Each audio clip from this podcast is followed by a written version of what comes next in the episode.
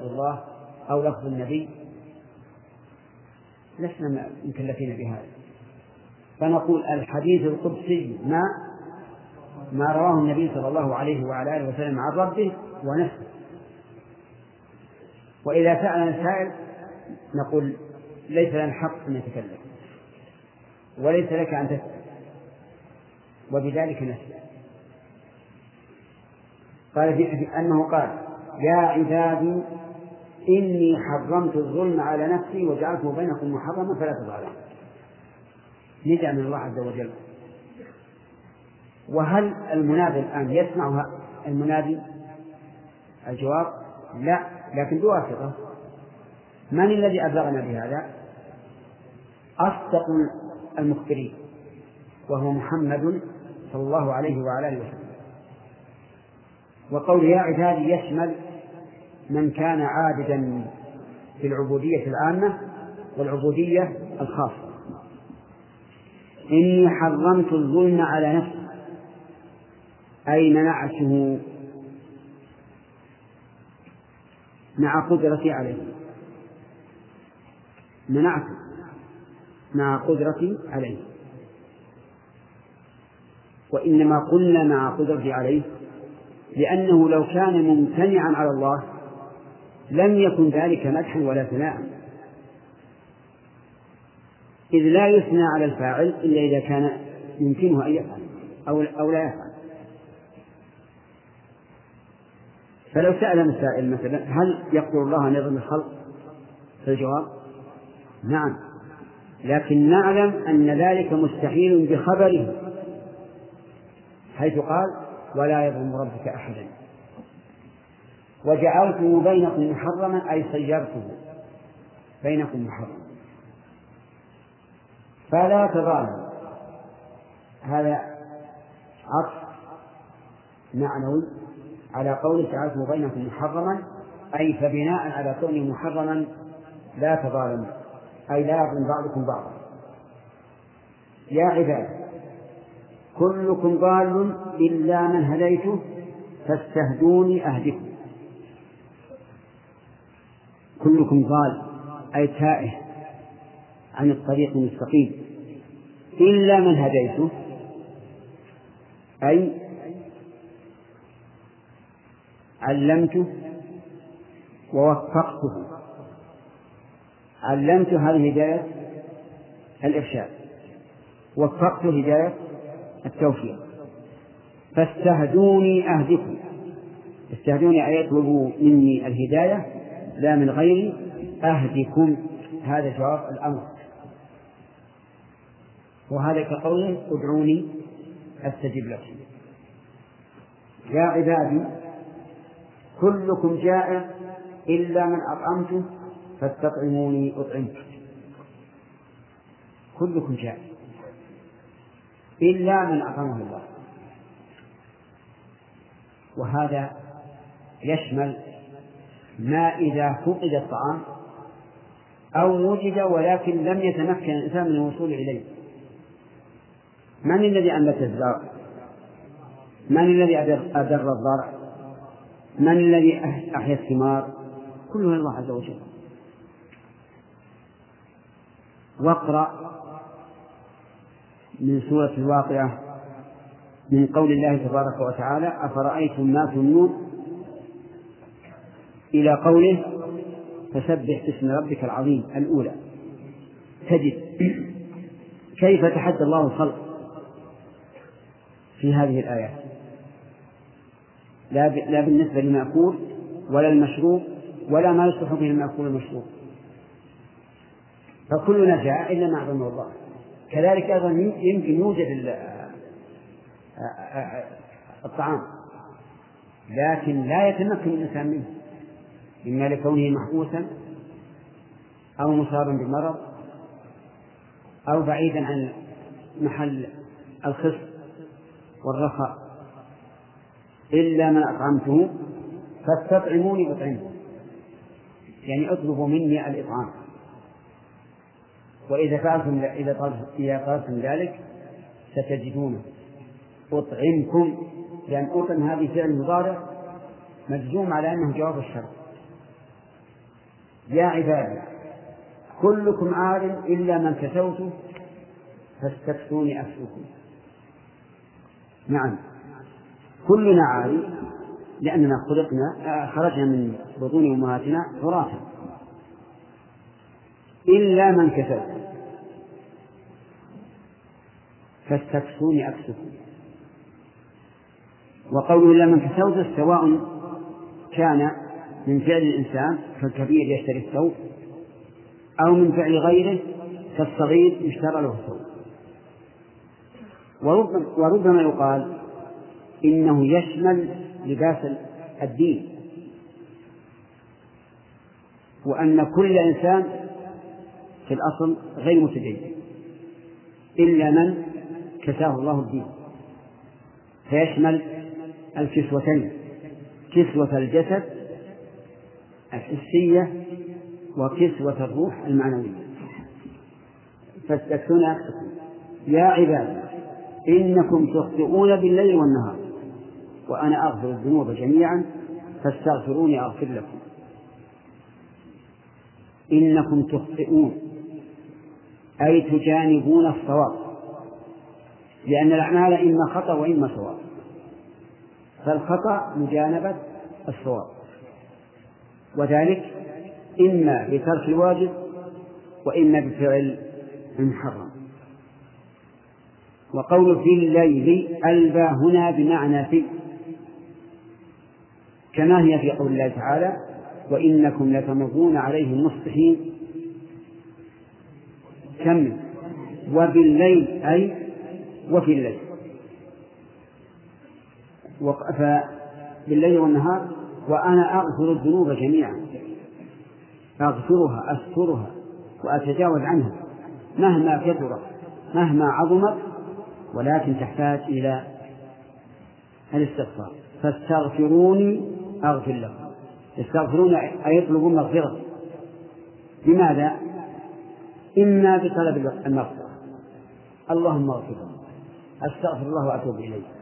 وإما بفعل ما به المغفرة. فمن قال سبحان الله وبحمده مائة مرة غفرت خطاياه ولو كانت من زبدة البحر. فقوله استغفروني يشمل طلب طلب المغفرة وكذلك فعل ما تكون به المغفرة. ويأتي إن شاء الله بقية الحديث لأنه جاء دور الأسئلة. نعم.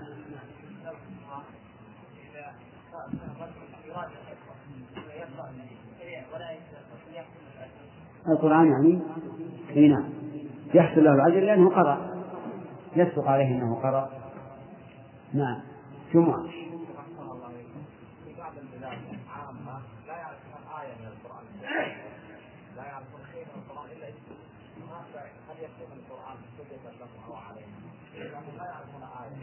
إذا بلغهم ولو معناه إذا بلغهم القرآن ولو بالمعنى فهو حجة إما لهم ولا أو عليهم.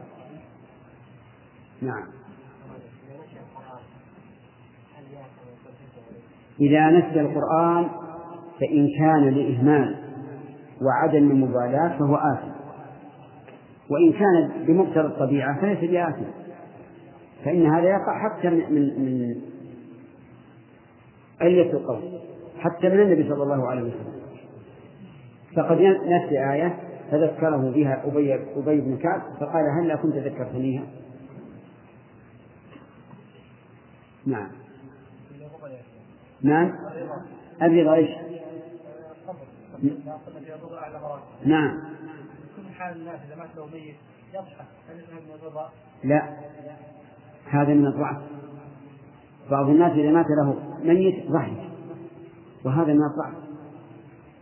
لأن قلبه عجز أن يتحمل المصيبة مع الرضا فصار يضحك كل إنسان يضحك عليه إذا رآه يضحك.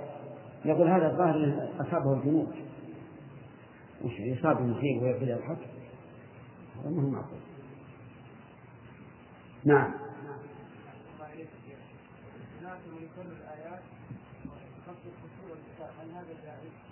أما في الصلاة فلا إلا في النافلة.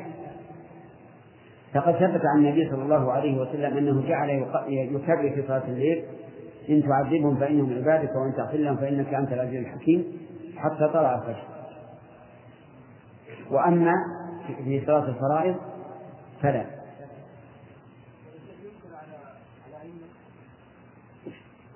ينكر على أئمة وقال هل عندكم دليل على هذا ولا لا؟ لكن ليس معنى إنكار على الأئمة أنك إذا سلمت وقفت قائما وقلت أيها الإمام الضابط ما هذا الأمر؟ أتريد هذا أو لا؟ عجيب لا. لكن تأتي بلغة وتقول جزاك الله خير. العبادة التوقيفية والنبي صلى الله عليه وعلى آله وسلم فرق بين الفريضة والنافلة. ففي النافلة جلس يكرر إن تعلموا بين العباد جعل يكررها إلى الصباح. وفي الفريضة ما علمنا أنه كان يكرر الآية. فهل عندك دليل؟ أنا أحب أن أن أكرر الآية المهمة.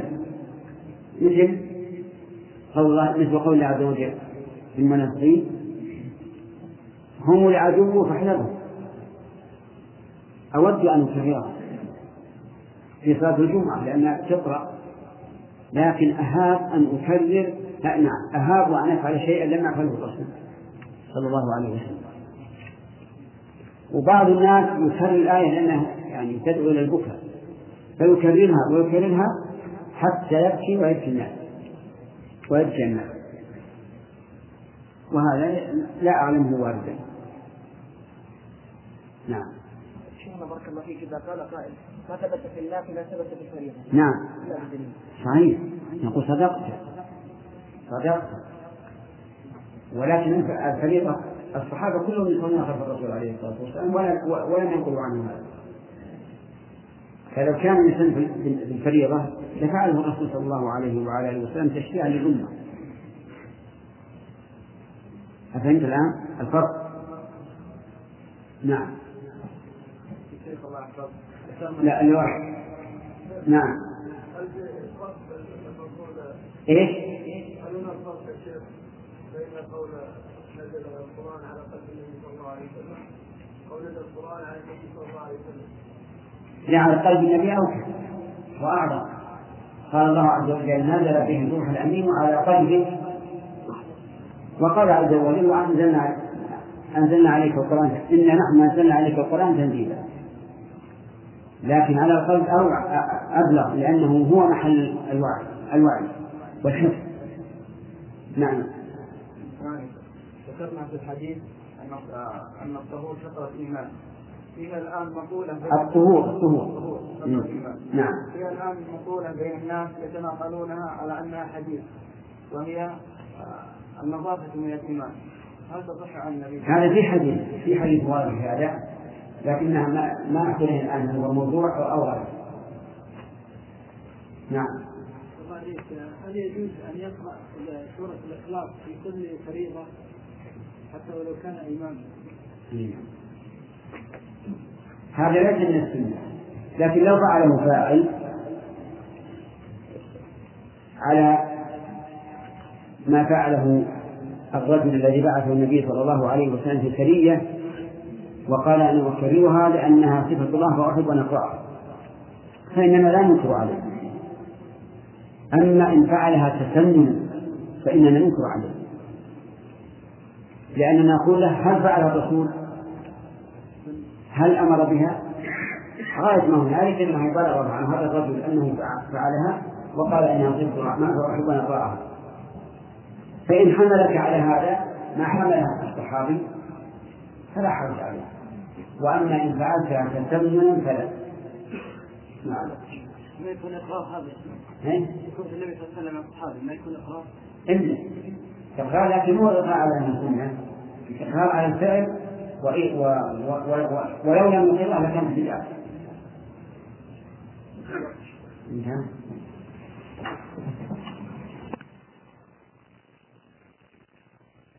وسلم على نبينا محمد وعلى آله وأصحابه ومن تبعهم بإحسان إلى يوم الدين. أما بعد فنكمل حديث عن الجابر الغفاري رضي الله عنه وهو حديث عظيم. جامع في أصول كبيرة. شرحه شيخ الإسلام ابن تيمية رحمه الله في رسالة مستقلة. انتهينا إلى قوله تعالى في الحديث القدسي.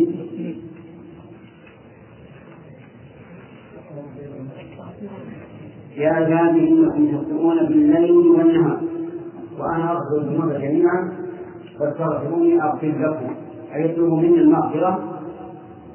أغفر لكم والمغفرة ستر الذنب والتجاوز عنه لأنها مأخوذة من المغفر الذي يوضع على رأس القتال وفيه ستر وغاز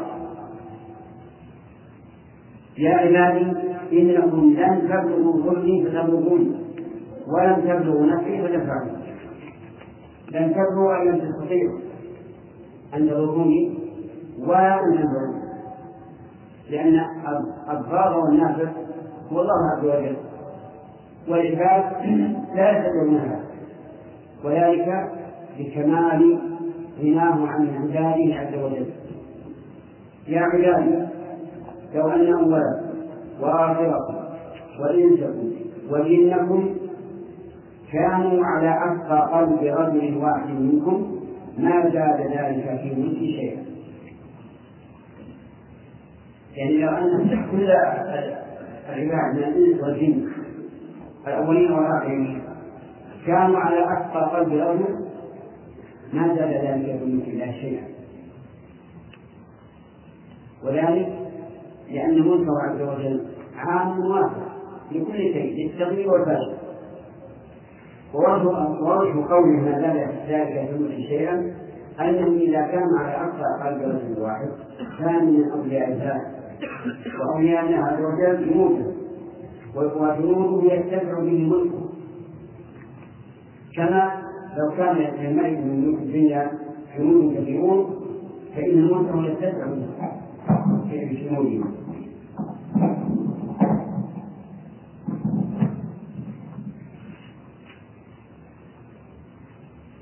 هذا وجه قول ما نقص؟ نعم. ما زال ذلك في الملك شيء.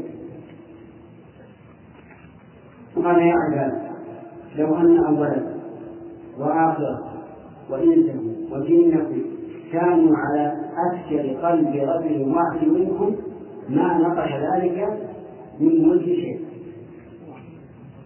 ولذلك أن الكافر عدو لله عز وجل. فلا ينقص الله. ومع هذا لا ينقص من ملكه شيئا. لأن الله غني عنه يا عباد لو أن أولكم وآخركم وإنسكم وجنكم قاموا في صعيد واحد. فسألوني فأعطيت كل واحد من الثلاثة أي ما في صعيد واحد؟ أي في أرض واحدة من فضل الله؟ وذلك لأنهم كلما كثر الأيام كان ذلك أقرب إلى الإجابة فأعطيت كل واحد من الثلاثة نعم. ما نقص ذلك من نعيم إلا كما ينقص المسجد إذا أدخل البحر. وهذه الباب المبارك في عدم النقص. لأن كل واحد يعلم أنك لو أدخلت المسجد وهو الإبرة الكبيرة في البحر ثم أخرجتها فإنها لا تنقص. البحر شيئا. ولا تغير. وهذا كقوله لا نعم لا يتفتح لنا أبواب الجنة أبواب السماء ولا يدخلون الجنة حتى يلج الجمل في سم الخيام إذ من المعلوم أن الجمل لا يمكن أن يدخل في سم الخيام فيكون هذه مبالغة في عدم دخوله الجنة. كذلك هنا من المعلوم أن المسجد لو أدخل في البحر لم ينقص شيئا فكذلك لو أن أول الخلق وآخره وإنسان ودينهم سأل سأل الله عز وجل وأعطى كل إنسان مسألة مهما بلغت. فلذلك إيش؟ لا ينقص من عنده إلا كما ينقص المسجد إذا أدخل البحر.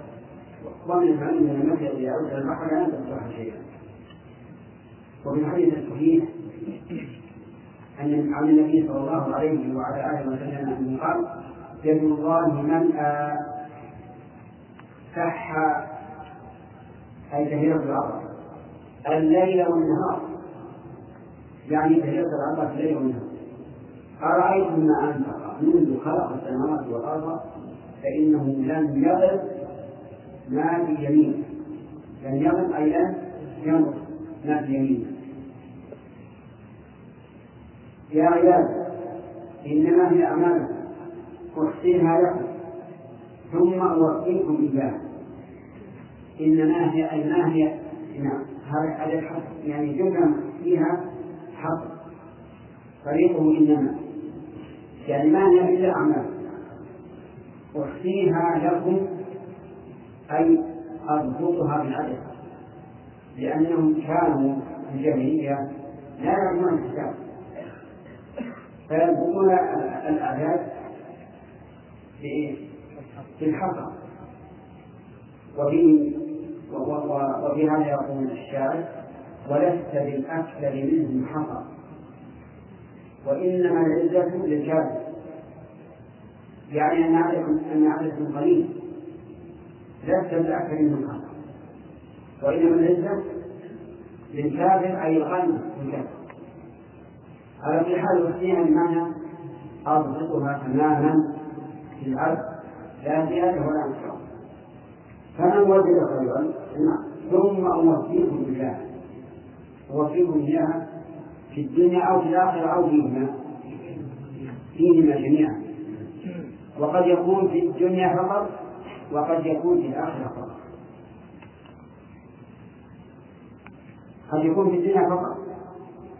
فإن الكافر يجازى على عمله حسن لكن في الدنيا لا في الآخرة. والمؤمن قد يؤخر الثواب في الآخرة وقد يجازى به في الدنيا وفي الآخرة. قال الله تعالى من كان من كان يريد حرث الآخرة نزل له بالحرث.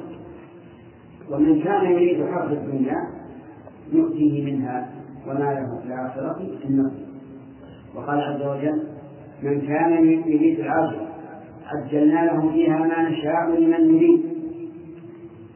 عجلنا له فيها ما نشاء لمن نريد. وقال عز وجل ومن أراد الآخرة وسعى لها سعيها وهو مؤمن فأولئك كان شأنهم مشكورا. المهم أن التوبية تكون في الدنيا دون الآخرة لمن؟ للكافر أما المؤمن فتكون في الدنيا فقط أو في الدنيا والآخرة جميعا أو في الآخرة فقط. فمن وجد خيرا فليحمد الله. من وجد خيرا من أعماله فليحمد الله. ليحمد الله على الأمرين على توفيقه للعمل الصالح وعلى ثواب الله له. ومن وجد غير ذلك. بل وجد شرا أو عقوبة فلا يلومن إلا نفسه لأنه لم يظلم. واللوم معروف. أن يشعر الإنسان بقلبه بأن هذا فعل غير لائق وغير مناسب وربما ينتقل بذلك في لسانه رواه رواه مسلم. هذا الحديث حديث عظيم. كما قلت فيه فوائد كثيرة. منها رواية النبي صلى الله عليه وعلى آله وسلم عن خلقه رواية النبي صلى الله عليه وسلم عن خلقه وهذا أعلى مراتب السند لأن غاية السند إما الرب عز وجل وهذا في الأحاديث الكثيرة وإما النبي صلى الله عليه وعلى آله وسلم وهذا في الأحاديث المرفوعة. وإما عن الصحابة وهذا في الأحاديث الموقوفة وإما عن التابعين ومن بعدهم وهذا في الأحاديث المقطوعة فالأحكام من أربعة من جعل سنده إلى الله يسمى حديثا قدسيا وإلى الرسول صلى الله عليه وعلى آله وسلم يسمى حديثا مرفوعا. وإلى الصحابة يسمى حديثا موقوفا وإلى التابعين فمن بعدهم يسمى مقطوعا فإذا روينا آثارا عن عمر بن الخطاب فماذا نسميه؟ مقطوعا موقوفا لأنه صحابي. وإذا روينا حديثا عن مجاهد لأنه مقطوعا لأنه ثابت الحمد لله. من فوائد هذا الحديث أن أن أحسن ما يقال في الحديث القدسي أنه ما رواه النبي صلى الله عليه وعلى آله وسلم حظا ونقتصر على هذا ولا نبحث هل من قول الله لفظا ومعنى أو من قول الله معنى ومن لفظ النبي صلى الله عليه وعلى آله. لأن هذا فيه نوع من التكلف وقد نهينا عن التكلف ونهينا عن التنقل وعن التعمد. فنقول الحديث القدسي ما رواه النبي صلى الله عليه وعلى آله وسلم عن ربه فقط. ومن فوائد هذا الحديث إثبات القول لله عز وجل. وهذا كثير في القرآن الكريم. وهو دليل على ما ذهب إليه أهل السنة من أن كلام الله يكون بصوت. إذ لا يطلق القول إلا على المسموع. فإن قال قائل أليس الله تعالى يقول؟ ويقولون في أنفسهم لولا يعذبنا الله بما نقول. وهذا قول يقولونه يقولونه بقلوبهم. فالجواب بلى. لكن هذا القول مقيد. يقولون في أنفسهم. وأما إذا أطلق القول فالمراد به ما يسمع ومن قائل هذا الحديث أن الله تعالى قادر على الظلم. لكنه حرمه على نفسه أي منع نفسه منه. وكذلك أنه لو كان غير قادر عليه لم يثني على نفسه بتحريم الظلم لأنه غير قادر فنقول هو قادر على الظلم لكنه حرمه على نفسه من فوائد هذا الحديث أن من صفات الله ما هو؟ سلبي أي منفي. مثل الظلم. ولكن أنه لا يوجد في صفات الله عز وجل نافي إلا لثبوت ضده. فنفي الظلم يعني العدل الكامل الذي لا لا, لا نقص. ومن فوائد هذا الحديث أن لله عز وجل أن يحرم على نفسه ما شاء. لأن الحكم إليه. نحن لا نستطيع أن نحرم على الله لكن الله يحرم على نفسه ما شاء كما أنه يوجب على نفسه ما شاء قول الله تعالى كل من كل من ما في السماوات والأرض كل الله كتب على نفسه كتب على نفسه وكتب سبحانه وتعالى كتابا عنده. إن رحمتي سبقت غضب. فصار لو سأل السائل هل يحكم على الله شيء؟ هل يجب على الله شيء؟ الجواب أما في تفصيل أما إذا كان هو الذي أوجب على نفسه أو حرم فنعم لأن له أن نحكم فيما شاء وأما أن نحرم بعقولنا على الله كذا وكذا أو أن نوجب بعقولنا على الله كذا وكذا فلا فالعقل لا يوجب ولا يحرم وإن من التحريم والإيجاب إلى الله عز وجل. طيب. قال ابن القيم رحمه الله في المنية ما للعباد عليه حق واجب غامض تترك العبد كليته ما للعباد عليه حق واجب.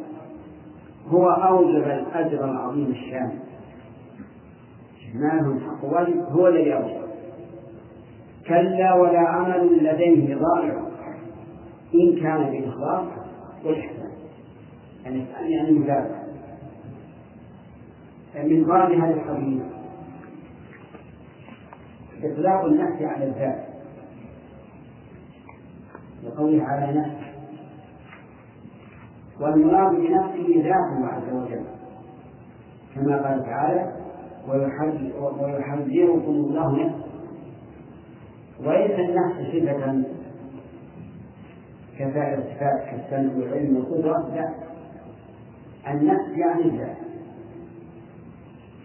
فقول يحذركم الله نفسا يعني يعني ذات وقولنا على نفسه يعني على ذات والنفس هي الصواب.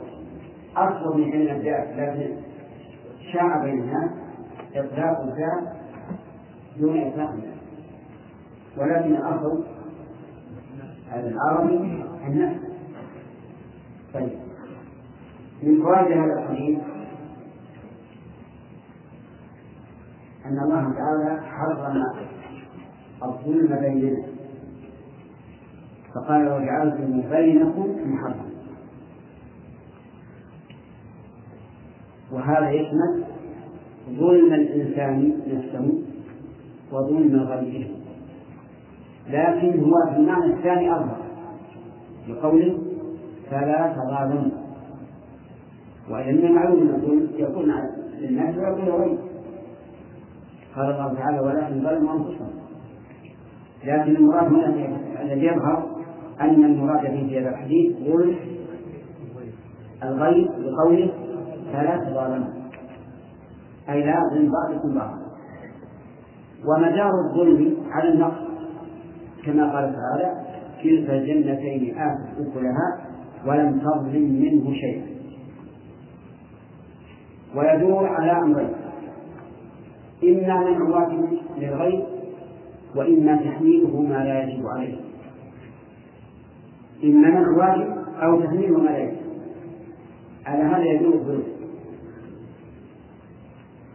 إما منع واجب مثل أن تمنع شخصا من دين عليك. فلا تدين أو تماطل به لقول النبي صلى الله عليه وعلى آله وسلم مطل الغني ظلم. أو تحمله ما لا كأن تدعي عليه. دينا وتأتي بشهادة الزور فيحكم فيحكم لك به. فهذا هو فإن قال قائل هل يستثنى من قول لا تظالم شيء؟ فالجواب لا لا يستثنى فإن قال أليس يجوز لنا أن نأخذ أموال الكفار المحاربين؟ فالجواب بلى لكن هذا ليس بظلم لأننا لأنه أبيح لنا هذا فإن قال قائل وهل يحل لنا أموال المعاهدين؟ فالجواب لا. لا يحل لنا أموال المعاهدين ولا دماء المعاهدين. حتى أن النبي صلى الله عليه وعلى آله وسلم قال من قتل معاهدا لم يرح أحد الجنة نسأل الله العافية وبهذا نعرف عدوان وظلم وضلال أولئك المغرورون الذين يعتدون على على أموال الكفار المعاهدين. سواء كان الكافر عندك في بلدك وهو معاهد أو أنت في بلدك. فإن نسمع من بعض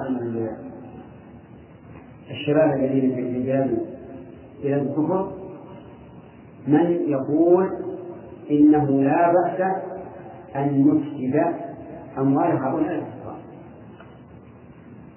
فتجدهم يعتدون على أنوار الشوارع يعتدون على المساجد يعتدون على السيارات. وهذا حرام عليهم. سبحان الله. قوم يحترمون وأنتم في عهدهم الآن. أنتم في عهدهم ليسوا عهدهم. أنتم في فتقولون هذا أشد ما يكون تشويها للإسلام وقدحا في الإسلام والتشويه ليس للإسلام؟ مطلق لكن لهؤلاء الذين ينتسبون للإسلام. ولذلك يجب أن نعلم أن أموال المعاهدين محترمة سواء كانوا معاهدين عندك أو كان أنت عندهم. لا يحل الاحتجاج عليها لأنه ظلم من فوائد هذا الحديث أن الإنسان ضال إلا من عند الله. ويتطلع على هذه الفائدة أن تسأل الله الهداية دائما. حتى لا تضل فإن قال قائل هنا إشكال وهي أن النبي صلى الله عليه وعلى آله وسلم أخبر أن كل مولود يولد على الفطرة وكيف يكون كلكم ضال؟ فالجواب أن النبي صلى الله عليه وعلى آله وسلم قال كل مولود يولد على الفطرة لكن قال أبواه وهو جامع من ومن الجسام وهنا يخاطب سبحانه وتعالى المكلفين الذين قد تكون تغيرت فطرتهم إلى ما كان عليه آباؤهم فهم بالله حتى يهديهم الله عز وجل. ومن فوائد الحديث الحث على طلب العلم. لقول كلكم ضال. ولا شك أن طلب العلم من أفضل الأعمال بل قد قال الإمام أحمد العلم لا يعطيه شيء لمن صحت نيته لا سيما في هذا الزمن الذي كثر فيه الجهل وكثر فيه الظن وأفتى من لا يستحق أن يفتي. فطلب العلم في هذا الزمان متأكد. ومن فوائد هذا الحديث أن لا تطلب الهداية إلا من الله بقوله فاتبعوني أهدكم ولكن الهداية نوعان هداية التوفيق هذه لا تطلب إلا من الله. إذ لا يستطيع أحد أن يهديك هداية التوفيق وهداية الدلالة فهذه يصح أن تطلبها من غير الله من من عنده علم تقول يا فلان أفتني بكذا يعني إلى الحق فيه. طيب هل نقول إن قوله قد تهدون يدل على أن المراد هداية التوفيق؟ أو نقول إنه يشمل الهدايتين؟ وهداية الدلالة تكون لاتباع الوسائل التي جعلها الله عز وجل سببا للعلم الجواب؟ الثاني العموم ومن فوائد هذه الآية الكريمة من فوائد هذا الحديث أن العباد في الأصل جياع جياع لأنه لا يقول أن يخلقوا ما كتب كما في سورة الواقع أفرأيتم ما تحكمون أفرأيتم ما الذي تشربون أفرأيتم النار التي تؤمنون فالأصل أن الإنسان قاصر جاهل. إلا من أقام الله. ويتفرع عن هذه الفائدة قول فاستطعموني أطعمكم أي يسألون الطعام أطعمكم وعليه فلا تلجأ. في طلب الرزق إلا إلى الله عز وجل وحده وقول تطعمون يشمل سؤال الله عز وجل الطعام ويشمل السعي في الرزق وابتغاء قول الله عز وجل. كما قال تعالى في سورة الجمعة فإذا قضيت الصلاة فانتشروا في الأرض وابتغوا من فضل الله واذكروا الله كثيرا لعلكم تفلحون وقال تعالى هو الذي جعل لكم الأرض ذلولا فأمشوا في مناكبها وكلوا من رزقه وإذا من المعلوم أن السماء لا تنزل ذهبا ولا درهما ولا خبزا بل لا بد من السائل من هذا الحديث أن أن الأصل الإنسان يعود. حتى يشرب الله عز وجل. وسبق الشرح أنه في الأصل العلم الحس. وقد يراد به المعنى والألباب وذلك أن الإنسان خرج من بطن أمه عالما ولا يذكره إلا الله عز وجل بما قدره من الأسباب. ومن فوائد هذا الحديث. كرم الله عز وجل حيث يعرض على عباده بيان حاله وافتقارهم إليه ثم يدعوهم إلى دعائه سبحانه وتعالى حتى يزيل عنهم ما حتى يزيل عنهم ما فيهم من الفقر والحاجة ومن فوائد هذا الحديث أن بني آدم خطاء. أي كثير الخطأ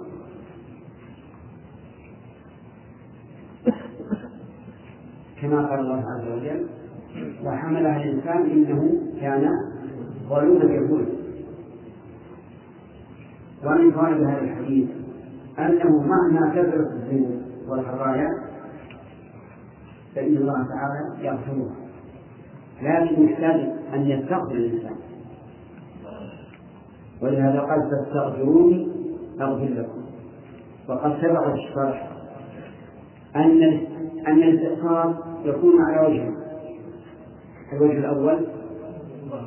طلب المغفرة لله اللهم اغفر لي أو أستغفر والثاني طلب المغفرة في الأعمال الصالحة التي تكون سببا لذلك. كقوله ما قال سبحان الله وبحمده مئة مرة غفرت خطاياه وإن كانت من زلزلة البحر الله!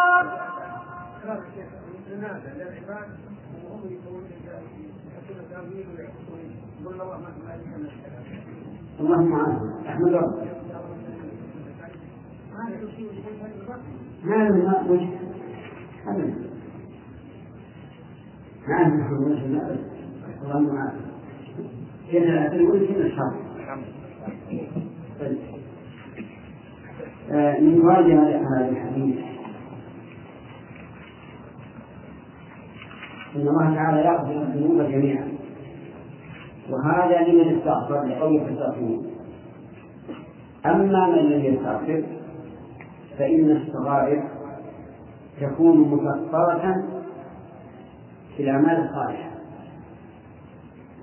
كقول النبي صلى الله عليه وعلى آله وسلم الصلوات الخمس والجمعة إلى الجمعة ورمضان إلى رمضان مكفرات لما بينهن ما اجتنبت الكبائر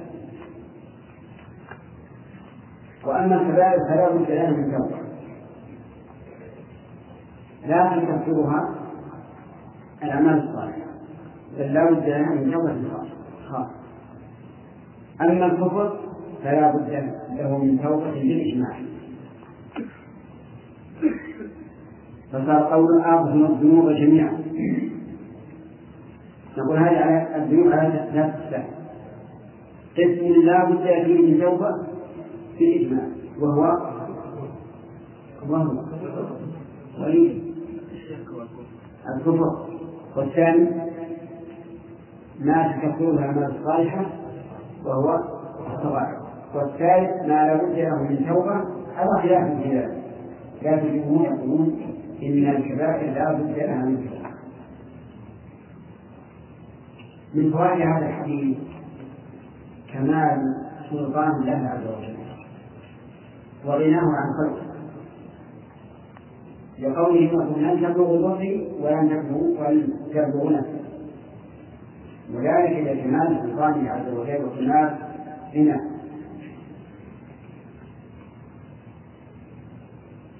فكأنه قال سبحانه وتعالى إنما طلبت منكم الاستغفار من الذنوب. لا لحاجة لذلك ولا لتضرر معاصيكم ولكن من أمرت لكم ومن فوائد هذا الحديث أن محل التقوى والفجور القلوب لقوله على أقصى قلب رجل واحد منه وعلى أفجر قلب رجل واحد منه ويشهد بهذا قول النبي صلى الله عليه وعلى آله وسلم ألا وإن في الجسد مضغة إذا صلحت صلح الجسد كله وإذا فسدت فسد الجسد كله. ويتفرع على هذا أنه يجب علينا أن نعتني بالقلب وننظر أين ذهب أين حل حتى نطهره ونصفيه ومن فوائد هذا الحديث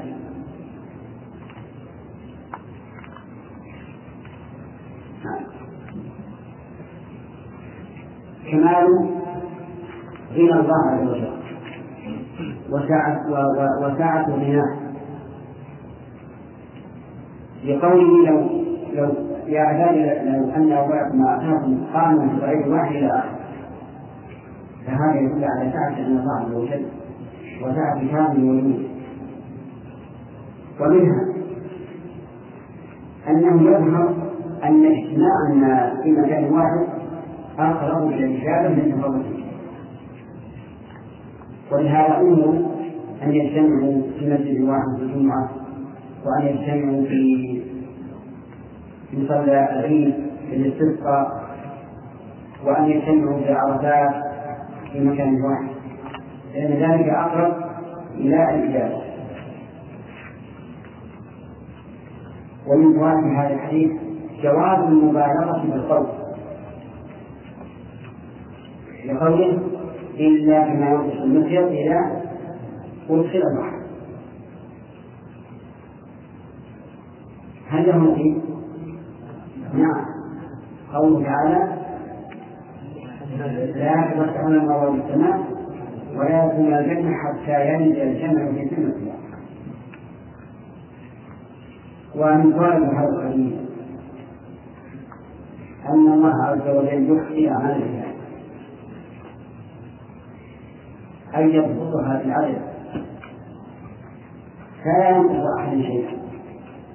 قال الله تعالى فمن يعمل مثقال ذرة خيرا يره ومن يعمل مثقال ذرة شرا يره وهذا على سبيل المبالغة فلو عامل أدنى من مثقال ذرة لرآه. لكن لما كان الذرة من أصغر المخلوقات ومن تضرب به العرب المثل في الصغر قال فمن يعمل مثقال وما يقول أعطيها لك. ومن فوائد هذا الحديث. أن الله عز وجل لا يظلم أحدا شيئا بل من عمل عملا وجهه كقوله ثم وفيكم إياه ومن فوائد ذلك هذا الحديث وجوب الحمد. وجوب الحمد لله عز وجل على من وجد خيرا. وذلك من وجهين. الوجه الأول أن الله سبحانه وتعالى يسرهم حتى عمل والوجه الثاني أن الله إيش؟ أن الله أتى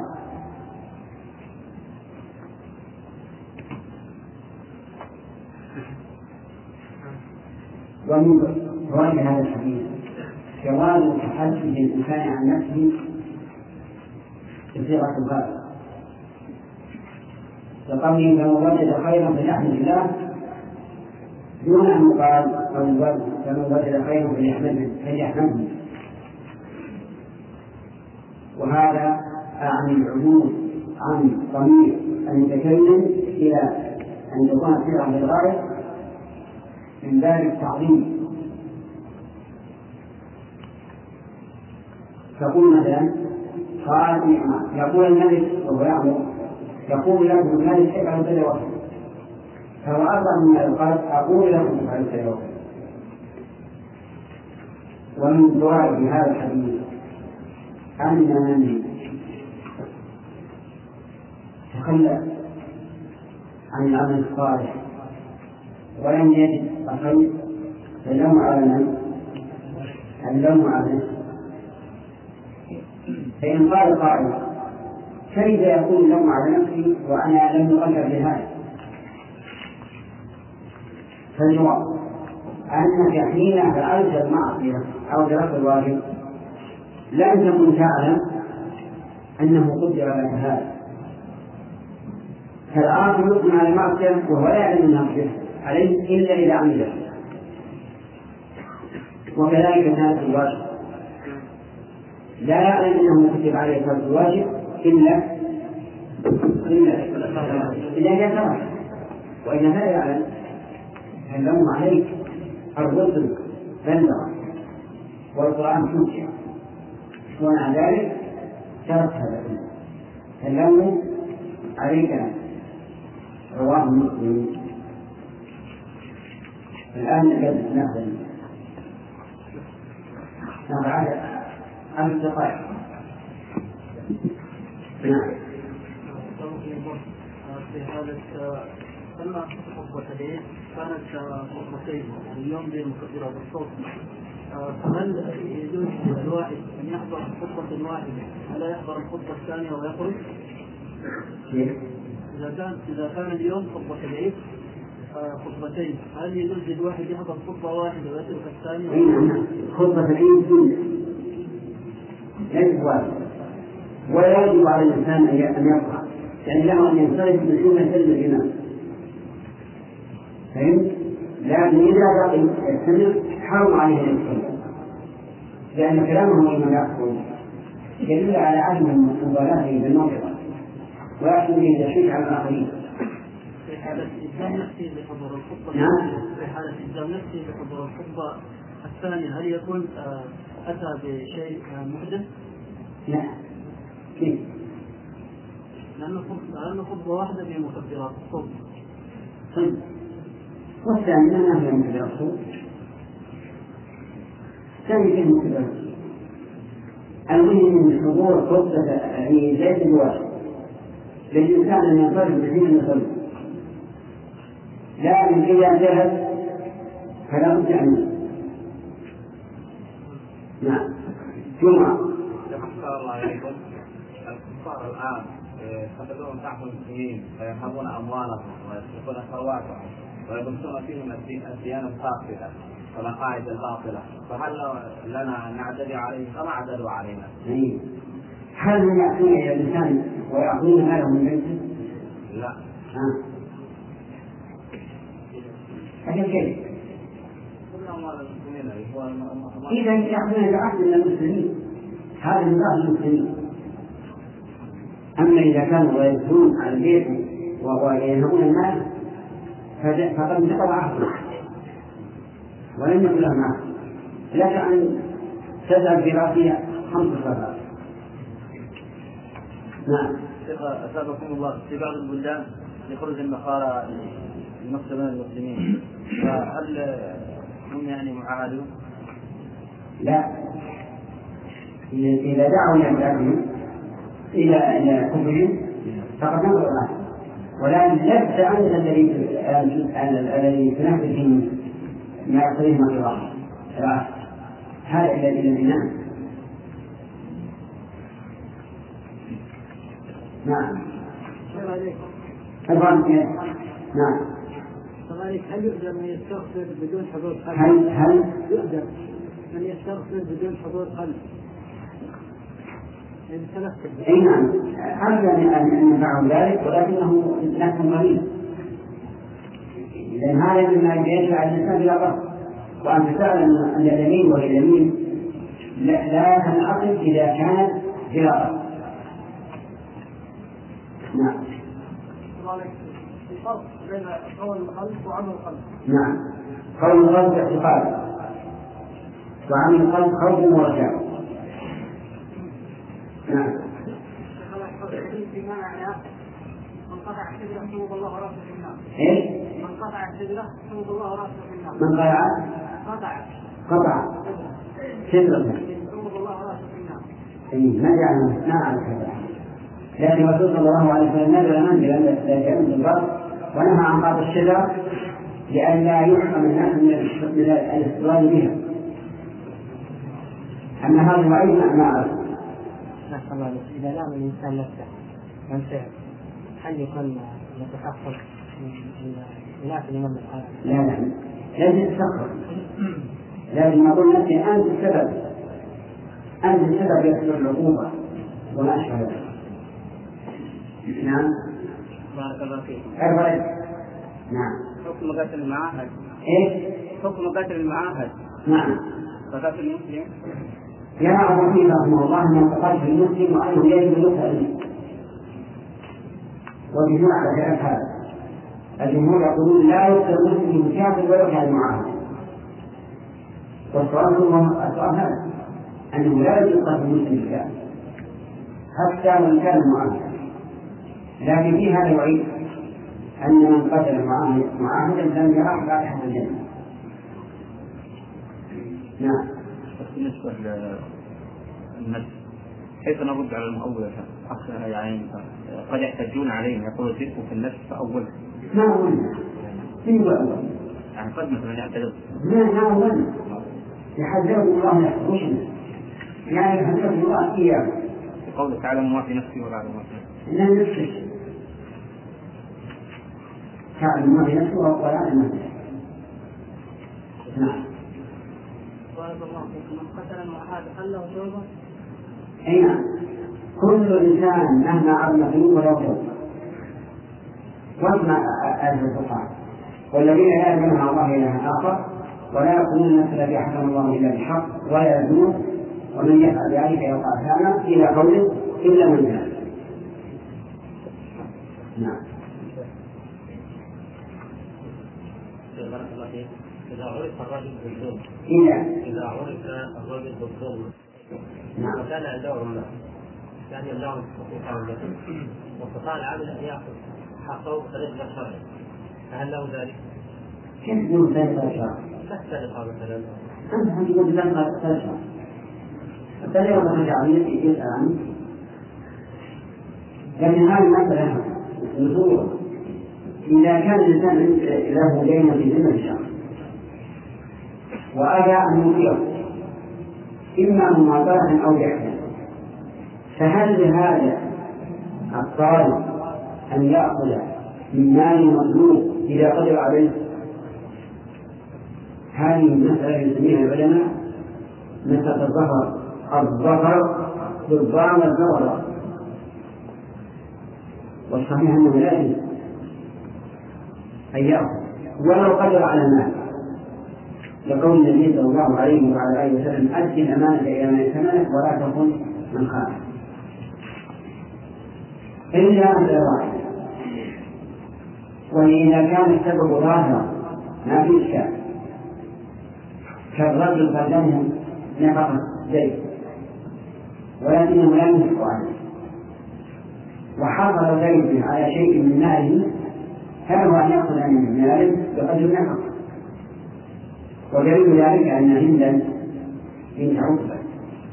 شكت إلى النبي صلى الله عليه وعلى آله وسلم أبا سفيان بأنه لا يعطيها ما يكفيها وولدها فقال خذي من مالي ما يكفيك وولدك بالمعروف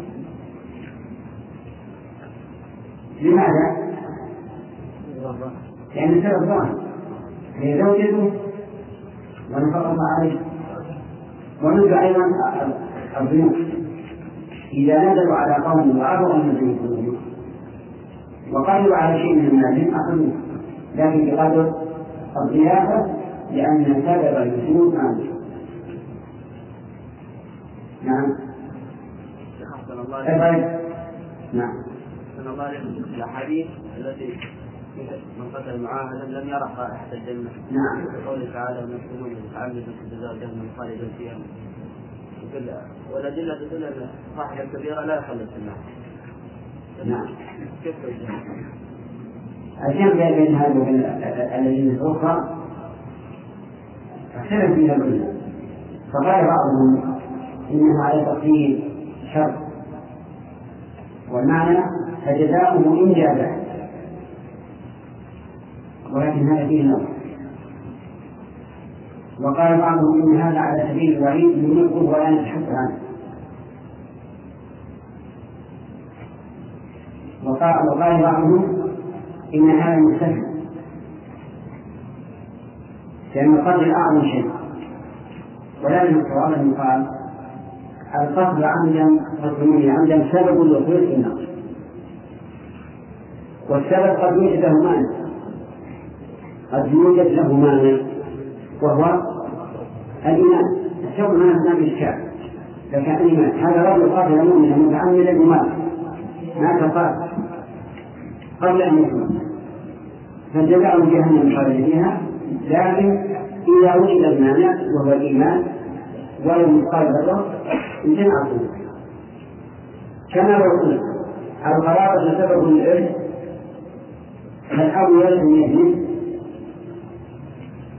هل هذا يرث على كل حال؟ لا. قد يوجد مانع يمنع الآب من الميراث عندك عشر. عندك بناخذ ذلك؟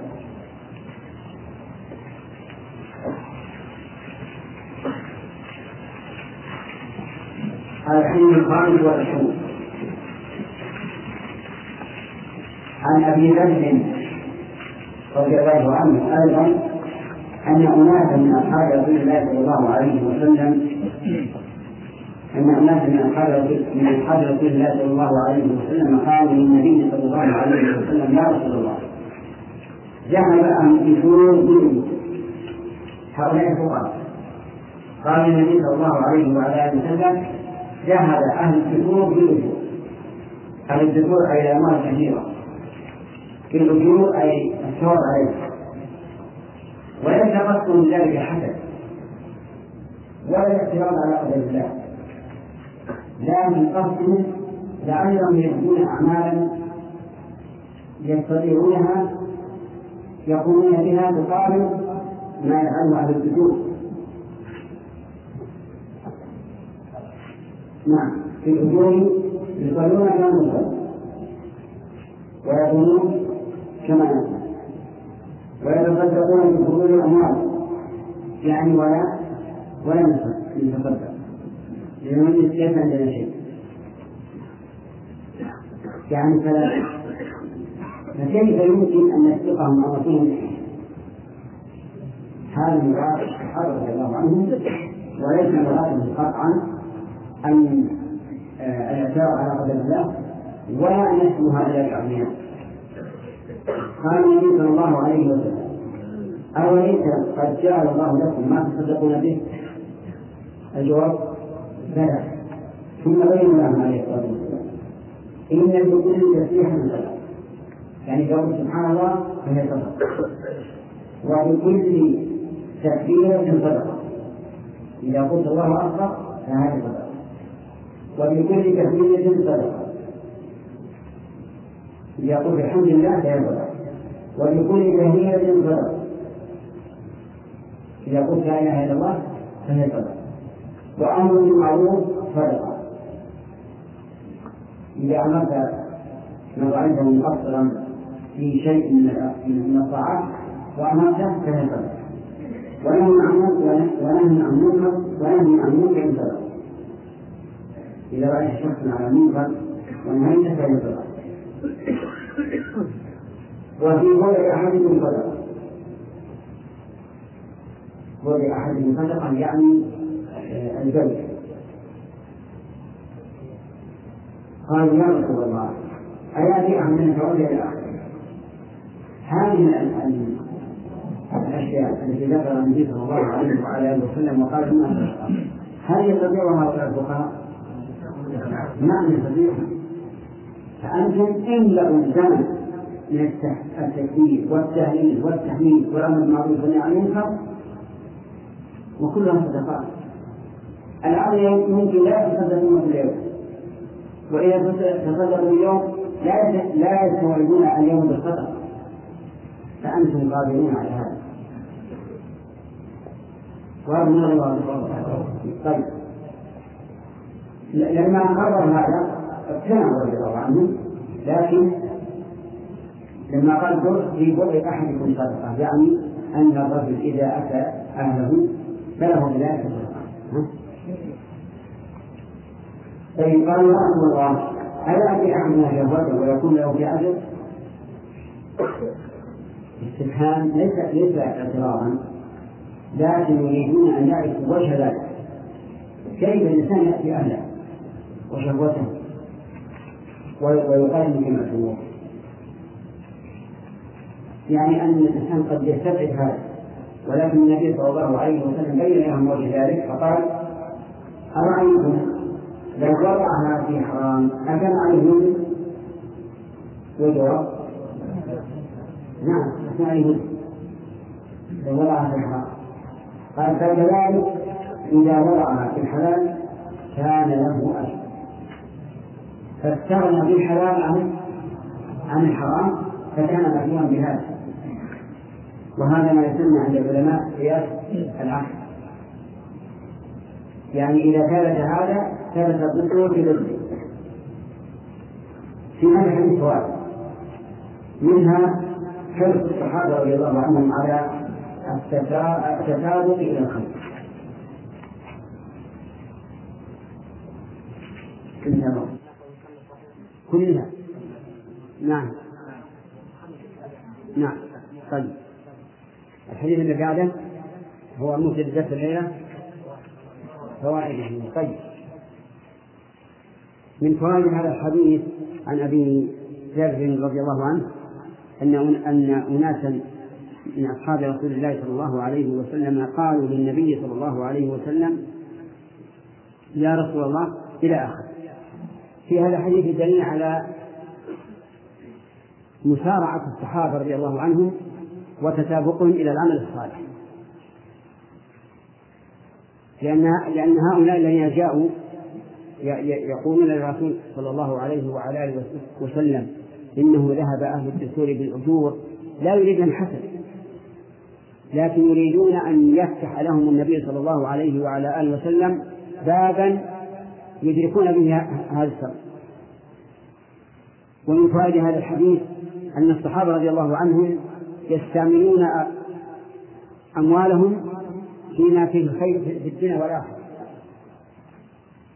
وهو أنهم يتصدقون. ومن فوائد هذا الحديث أن الأعمال البدنية يشترك فيها الغني والفقير. بقولهم يصومون كما نصوم ويصلون كما نصلي. وهو كذلك. وقد يكون أداء الفقير لها أفضل وأكمل من أداء الغني. ومن فوائد هذا هذا الحديث أن النبي صلى الله عليه وعلى آله وسلم فتح للفقراء أبوابا من الخير. لقوله أوليس قد جعل الله لكم ما تصدقون به؟ وذكر الأبواب. ومن فوائد هذا الحديث تقرير المخاطب بما لا يمكنه إنكاره. لقوله أوليس قد جعل الله لكم ما تصدقون به؟ لأن هذا أبلغ في إقامة الحجة عليه. ومن فوائد هذا الحديث أن ما ذكره النبي صلى الله عليه وعلى آله وسلم من الأعمال كلها صدقة.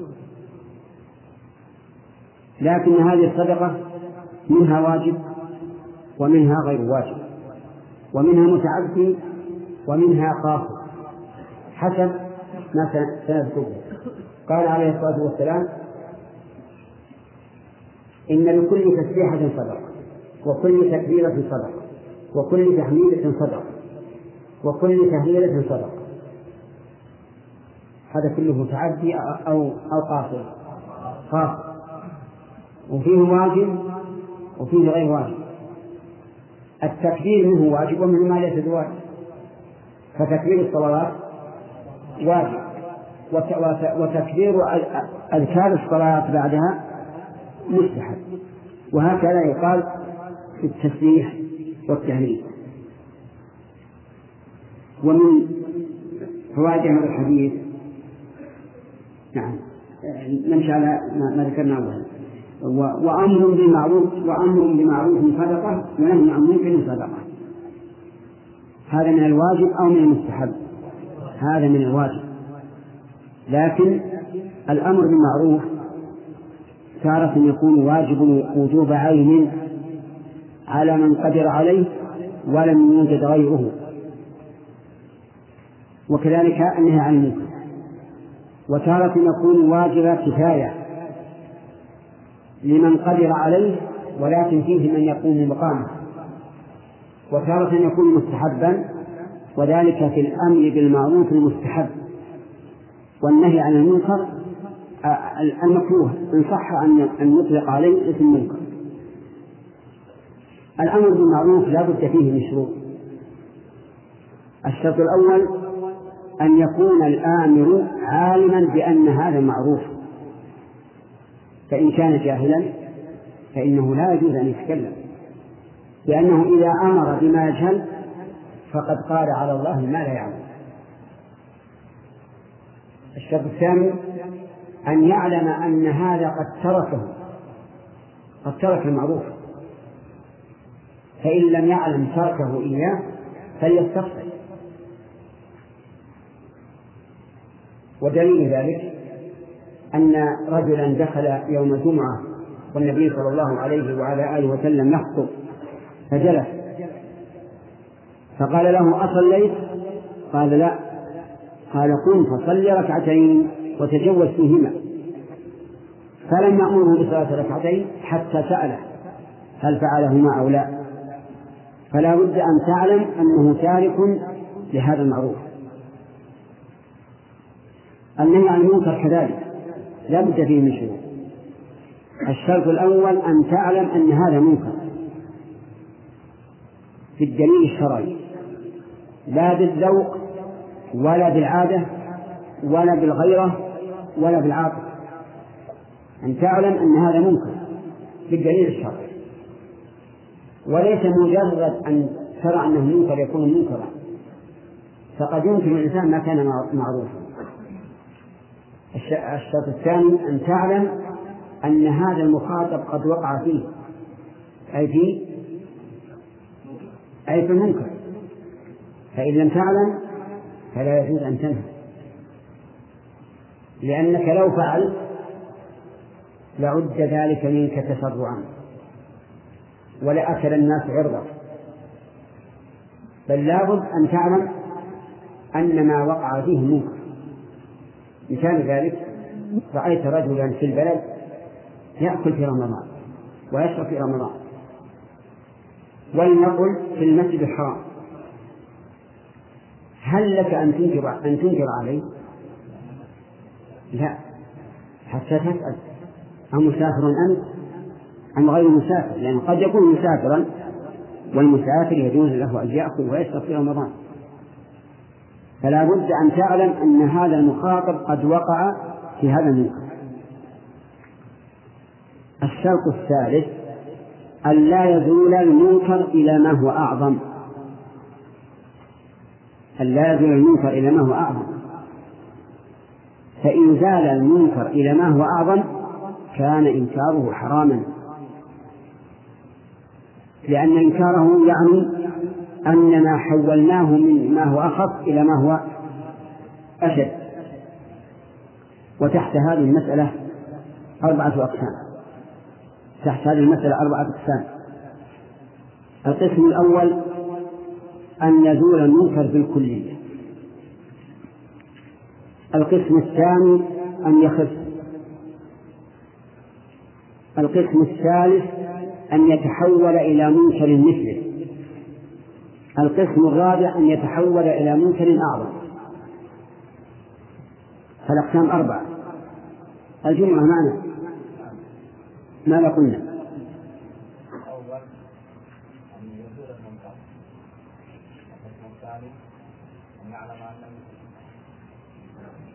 أنت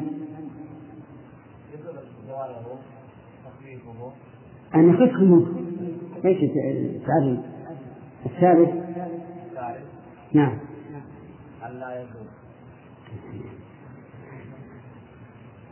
أن يتحول إلى موسى أكثر منه؟ نعم. أن يتحول إلى منكر أعظم. الرابع أن يتساوى. أن يتح- أن يتحول إلى منكر مساوي تمام. إذا تح... إذا إذا كان بإنكار المنكر يزول فلا شك أن الإنكار واجب. وإذا كان يخف فالإنكار واجب.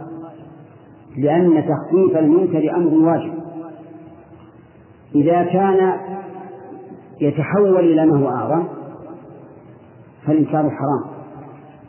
إذا كان يتحول إلى ما هو مثله فمحل نظر. هل يرجح الإنكار أو لا؟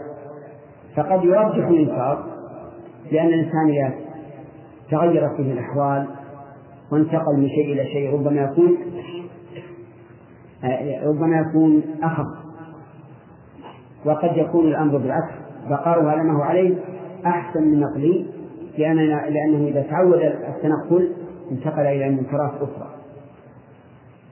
هذه أحوال إنكار المنكر. طيب فإذا قال قائل علل أو دلل لهذه الأقسام. فنقول أما إذا كان إنكاره يقتضي زواله فوجوبه ظاهر. لقول الله تعالى وتعاونوا على البر والتقوى وقوله ولتكن منكم أمة يدعون إلى الخير ويأمرون بالمعروف وينهون عن المنكر وقول النبي صلى الله عليه وسلم والذين بيده لتأمرن بالمعروف ولتنهون عن المنكر ولتأخذن على يد الظالم ولتأثرنه على الحق أطرا وذكر الحديث. وعيدا شديدا طيب. أما تخفيفه إذا كان الإنكار يؤدي إلى تخفيف. فالتعليل أن تخفيف الشر واجب. لأن اثنين ناقص واحد. واحد أخف من اثنين وهذا تعليل. وقد يقال إنه دليل لأن هذا الزائد منكر يزول بالإنكار فيكون داخلا فيما سبق أما إذا كان يزول إلى يتحول إلى ما هو أنكر فإن الإنكار حرام. ودليل ذلك قول الله تبارك وتعالى ولا تسبوا الذين يدعون من دون الله فيسبوا الله عدوا بغير علم. فنهى عن سب آلهة المشركين مع أنه أمر واجب لأن سبه سب آلهتهم يؤدي إلى سب من هو منزه عن كل نقص وهو الله عز وجل. فنحن إذا سببنا آلهتهم سببنا بحق. وهم إذا سبوا الله سبوه عدوا بغير حق انتبه لهذا ويذكر عن شيخ الإسلام رحمه الله أنه مر مع صاحب له على قوم من التتر يشربون الخمر ويفسقون ولم ينههم شيخ الإسلام عن هذا. فقال له صاحبه يعني لماذا لا تنهاهم وكان رحمه الله ممن عرف بإنكار المنكر قال لو نهيت هؤلاء لقاموا إلى بيوت الناس ونهبوها وانتهكوا أعراضهم وهذا أعظم مما هم عليه الآن. انظر للفقه في دين الله عز وجل. طيب نعود الحديث. أمر بمعروف صدقة ونهي عن منكر صدقة. وهذه من الصدقة الواجبة أو أو أو المستحبة. التفصيل اللي سمعنا واجبة وجوب عين أو وجوب كفاية أو سنة. وفي بضع أحدكم صدقة. هذه الصدقة من الواجب أو من المستحب؟ نعم من الواجب تارة ومن المستحب تارة. إذا كان الإنسان يخاف على نفسه الزنا إن لم يأتي أهله صار من الصدقة الواجب. وإلا فهو من الصدقة المستحبة وظاهر هذا الحديث وفي طبع الصدقة أن ذلك صدقة وإن كان على سبيل الشهوة. لا على سبيل الانكفاف عن الحرام. لأنه إذا إذا كان على سبيل الانكفاف عن الحرام فالأمر واضح أنه صدقة. لأنه يدفع الحرام بالمباح. لكن إذا كان لمجرد الشهوة فظاهر الحديث أنه أن ذلك صدقة. وله وجه. منها من الوجوه؟ أن الإنسان مأمور أن لا يمنع نفسه ما تشتهي إذا كان ذلك في غير معصية الله. إن لنفسك عليك حق. والثاني أن أنه إذا أتى أهله فقد أحسن إليه. إلى أهله. لأن المرأة عندها من الشهوة كما عند الرجل. فهي تشتهي الرجل كما يشتهيها. فإذا أتاها صار محسنا إليها وصار ذلك صدقة. طيب. ومن فوائد هذا الحديث أن الصحابة رضي الله عنهم لا يتركون شيئا مشكلا إلا سألوا عنه. بقولهم أيأتي أحدنا شهوته ويكون له في أجر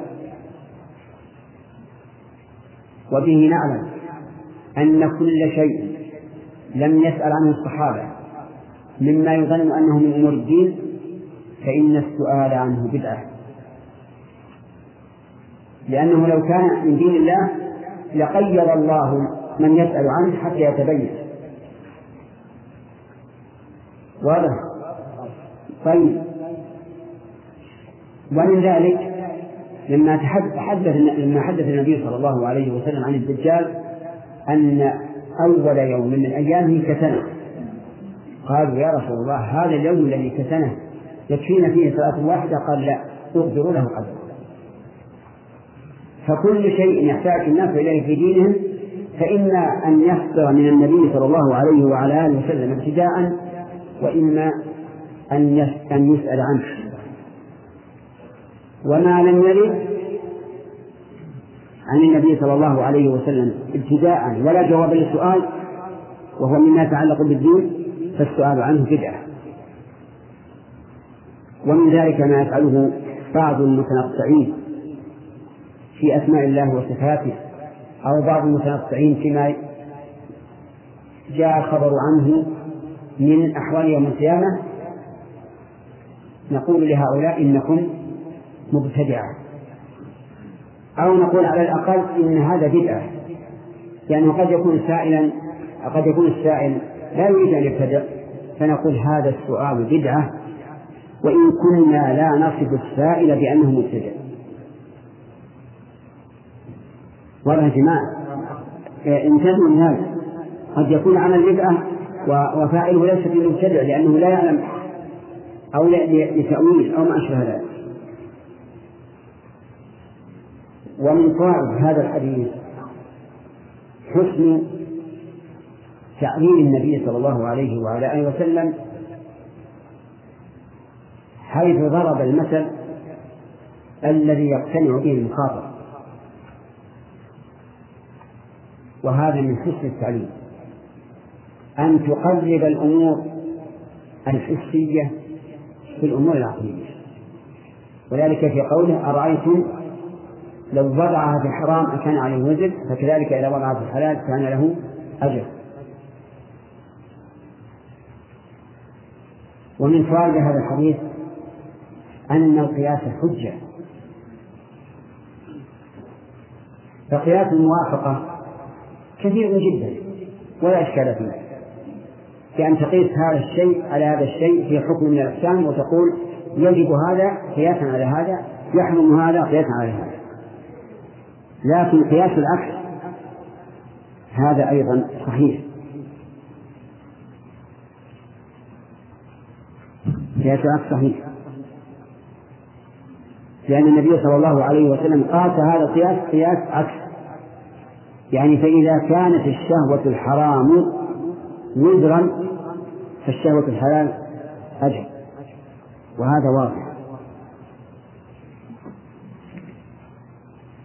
ثم قال مالك الحديث السادس والعشرون.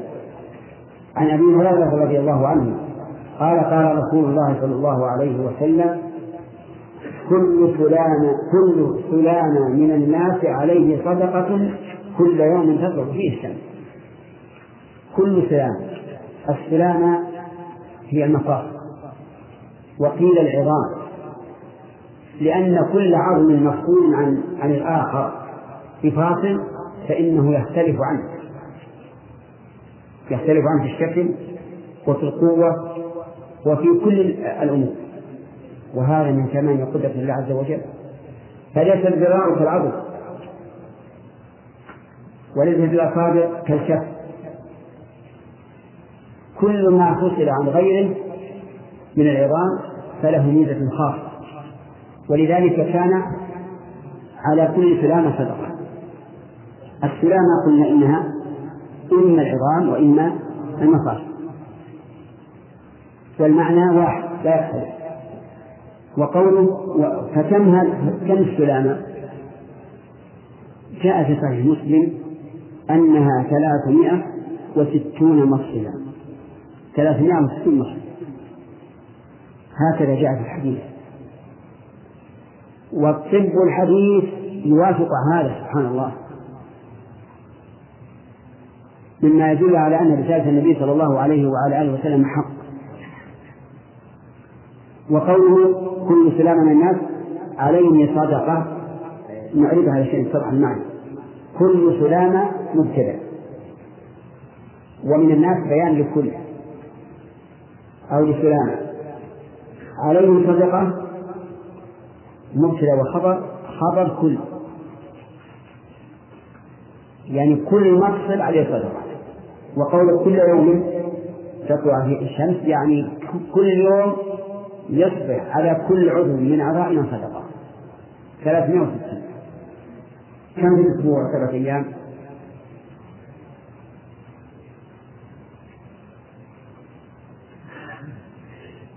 أنتم أعلم أعلم منا بالحساب. ألفين وأربعمائة وعشرين. ها؟ ألفين وخمسمائة وعشرين. في الأسبوع. وكل يوم كل وكل يوم ثلاثمائة وستون. لكن من نعمة الله أن هذه الصدقة عامة في كل القربات كل القربات صدقات وهذا شيء ليس بصعب على الإنسان. ما دام كل قربة صدقة فما أيسر أن يؤدي الإنسان ما يجب عليه.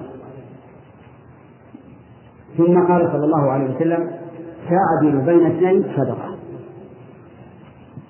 تعدل يعني تفصل بينهما في صلح أو حكم. تفصل بينهما إما بصلح وإما بحكم. وأيهما أولى الصلح أو الحكم؟ الصلح إذا أمكن. ما لم يتبين للرجل أن الصواب مع أن الحكم لأحدهما. فإن تبين أن الحكم لأحدهما حرم الصلح. وهذا قد يفعله بعض الناس القضاة. يحاول أن يصلح مع علمه أن الحق مع المدعي أو المدعى عليه. وهذا محرم. لأنه بالإصلاح لا بد أن يتنازل كل واحد عما ادعاه فيحال بينه وبين حقه. وإذا العدل بين الاثنين بالصلح أو بالحكم يحيى. نعم. يكون صدقة لكن إن إن إن علم أن الحق لأحدنا فلا يصلح بل يحكم بالحق. ثانيا تعين الرجل في دابته فتحمله عليها أو ترفع له عليها متاعه صدقة الحمد لله. تعين الرجل في دابته أي بعيره مثلا تحمله عليها إذا كان لا يستطيع أن يركب تحمله تضعه على الرحل هذا صدق. أو تحمل له عليها متاعا متاعه ما يتمتع به في السفر من طعام وشراب وغيرهما. تحمل على البعير وتربطه هذا صدق و والكلمة الطيبة صدقة. الله أكبر. الكلمة الطيبة صدقة. أي كلمة طيبة؟ سواء طيبة في حق الله كالتسبيح والتكبير والتهليل أو في حق الناس. كحسن الخلق. صدقة. وسبق بالحديث الأول الذي قبله كل تهليلة صدقة إلى آخره. الكلمة الطيبة صدقة